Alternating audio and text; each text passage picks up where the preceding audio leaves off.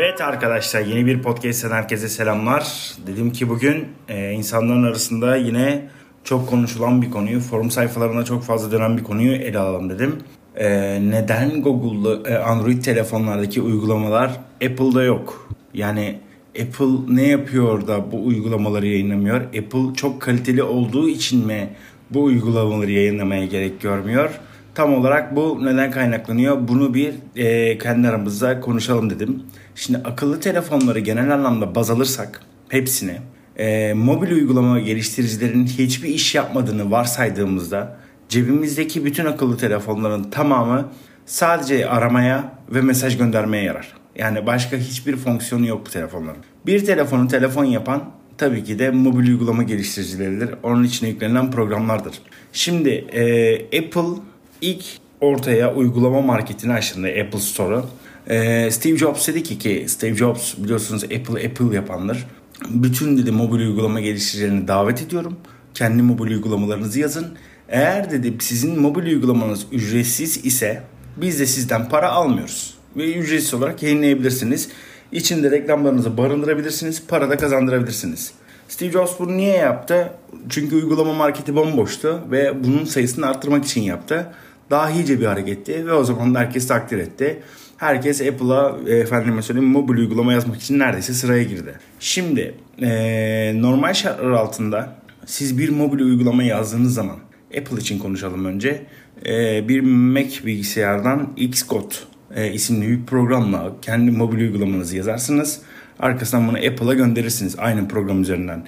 Apple normal şartlar altında bunu e, eğer kod hatası varsa zaten gönderemezsiniz. Xcode programı sizin programı Apple'a göndermenizi engeller.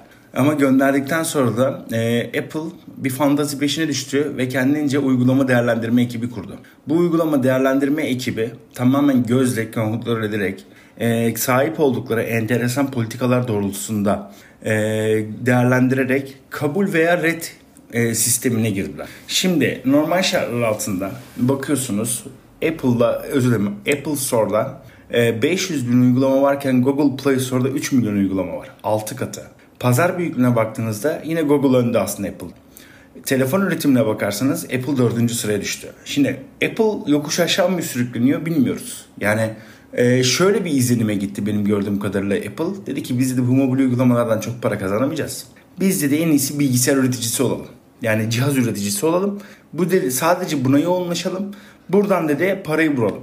Tabii yeni ürettikleri cihazlardan da yola çıkarak e, hisse değerlerinin ciddi anlamda artıyor. Çünkü Mac ürünleri hakikaten kaliteli olduğunu söyleyebilirim.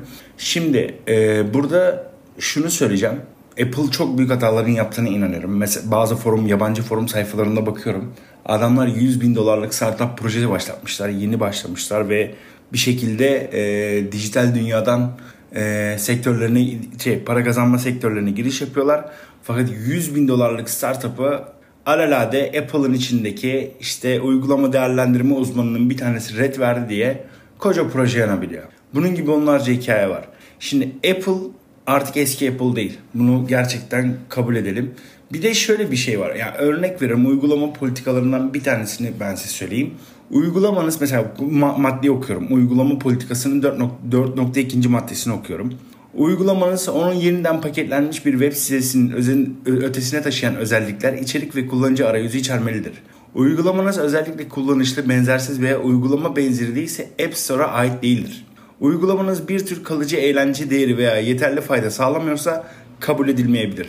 Şimdi Apple'a sormak lazım. Neye göre sen bunu değerlendiriyorsun? Yani bir uygulamanın ne kadar değerli, ne kadar kullanışlı olup olmayacağının kararını aslında oradaki herhangi bir uzman veremez. Yakın zamanda bir arkadaşımın Türkçe dilinde yaptığı bir uygulama Amerikalı bir e, değerlendirici yüzünden red aldı. Şimdi sen Türkçe bilmiyorsun. E karşımızdaki kişi de Türkçe konuşmuyor. Ve bu kişi dünya geneline uygulamayı açmıyor. Diyor ki Apple Store'da sadece Türkiye'de yayınlanmasını istiyorum ve indirilmesini istiyorum diyor. Bunu da ahiret verdi. Yani sadece basit bir Türk kullanıcıdan bahsetmeyelim. Apple, Netflix, Spotify gibi uygulamalara 6 aydan fazla banladı. Ya bu bir şaka.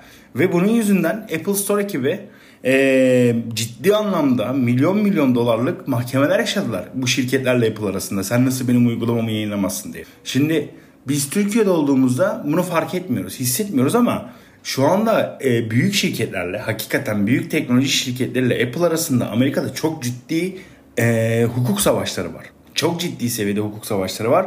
Ve buna karşılık zaten Çinlilerin yaptığı yazılımlar çok nadir onaylanıyor. E, bu konuda biliyorsunuz biraz ırkçı politikalara da sahip e, Amerika. E, ve enteresan bir şekilde Apple bir uygulama kötü dersi kötü oluyor, iyi dersi iyi oluyor. Aslında alakası yok. Her uygulama kendine göre bir zahmeti vardır.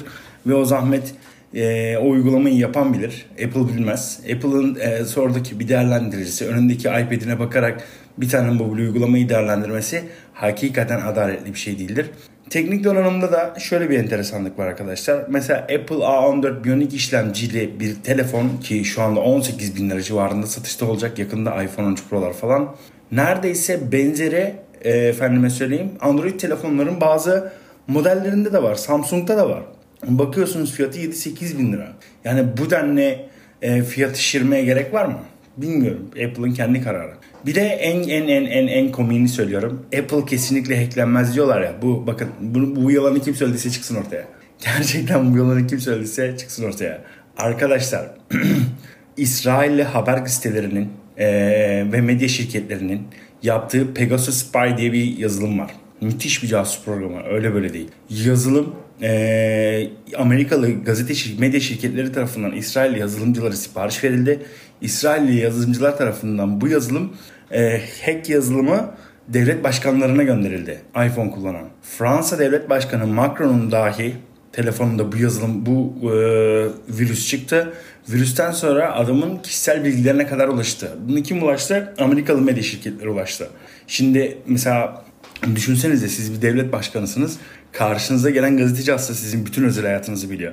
Yani Apple hacklenmiyor kim diyorsa yalan söylüyor. Bu konuda Google'a bir Pegasus Spy yazın. Yani İngilizce casus yazın.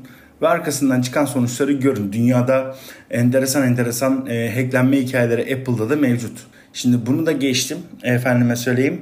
Düşünsenize o virüs kimde ise e, konumdan, mesaj geçmişine, fotoğraflardan, e, bütün telefon konuşmalarına kadar anlık alabiliyor. Yani bu ciddi anlamda sıkıntı.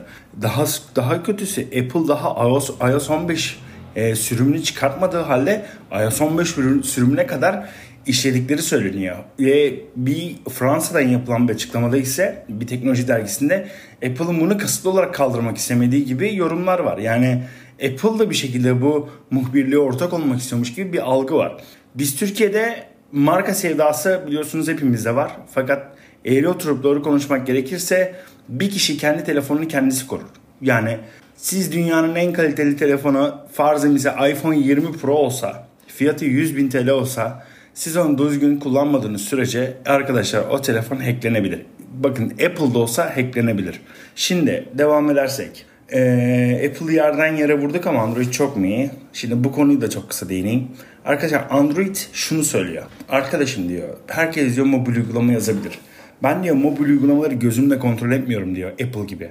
Ama diyor benim diyor algoritmalarım diyor Apple'a göre diyor 150 bin kat daha fazla olduğu için diyor bir mobil uygulamanın içinde müstehcen kelime olduğu zaman bile ben de Apple'dan 50 kat daha iyi anladığımdan diyor lak diye ban koyuyorum diyor. Koyuyor mu? Koyuyor. Ve o kişi yani developer yani uygulama geliştiricisi alimallah bir daha Google'da e, Android'de e, yap, şey uygulama yayınlayamıyor. Bakın bu çok ciddi bir konu. İşte hangisi daha iyi kısmına geliyorum. Google diyor ki ben diyor bütün mobil uygulamaların diyor indirilmesine izin veriyorum diyor. Arzu ederseniz diyor bir kişi WhatsApp üzerinden size APK gönderdiğinde diyor e, onu da çalıştırabilirsiniz telefonunuzda. Ama diyor benim diyor güvenlik kontrolünden geçirmediğim e, uygulamaların hiçbir şekilde yani Play Protect dedikleri servisleri var onların. E, Play Protect servisinden kabul etmediğim uygulamaları indirdiğinizde bu telefonuna girecek olan virüslerin sorumluluğu size aittir. Ama diyor ben de Play Protect kapsamındaki diyor e, bütün mobil uygulamalar yayınlanmadan önce tararım diyor. Eğer diye herhangi bir sıkıntısı yoksa diyor bunu onaylarım diyor. Bu doğrultuda diyor siz diyor bunu kullanırsınız. Hata yaptınız sorumluluk size aittir. Apple Store'da ve Google Play Store'da ben virüslü uygulama olduğunu inanmıyorum. Ya farzı fark e, hatırlarsanız bir süre önce şöyle bir şey çıkmıştı. Çocuklar efendim mesela Pokemon Go gibi oyunlarla işte intihar ederek ölüyordu.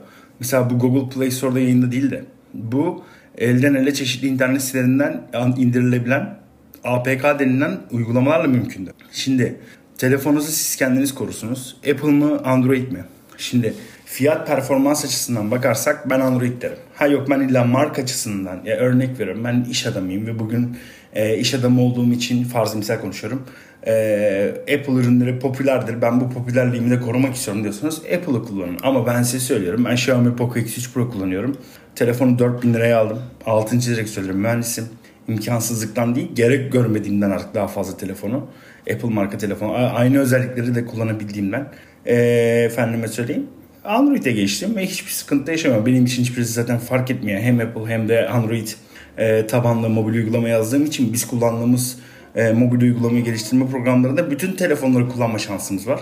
Çünkü bize emülatör denilen bir e, ekranlarımız var. O ekranda istediğimiz marka model telefonu kullanabiliyoruz. Öyle bir şansımız var. Onun için bizim için Android mi Apple mı kısmı gerçekten çok e, önemsiz bir konu oluyor. E, yeter ki bizim için ne hafızası biraz güçlü olsun, işlemcisi kuvvetli olsun yeter diyoruz. Geçiyoruz. Geri kalan kısmını zaten kendimiz ayarlıyoruz. Bu minvalden bakarsak Apple kısaca söyleyeyim kendi uygulama ekibinin keyfi kararları doğrultusunda bir uygulamanın yayınlanıp yayınlanmayacağına karar veriyor.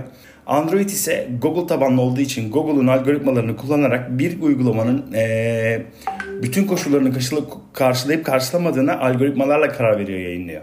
Teorik olarak Apple'da siz bir uygulama gönderdiğinizde 2 ayda yayınlanırken bazen 2 hafta ile 2 ay arası Android uygulamaları maksimum 5 günde yayınlanır. Android'de red veriyor ama tabii ki de verdiği durumlar oluyor ama e, eğer gerçekten kötü niyetli bir uygulama değilseniz kolay kolay red vermiyor. Bugün beni dinlediğiniz için teşekkür ederim. Güzel bir Antalya akşamından hepinize sevgiler.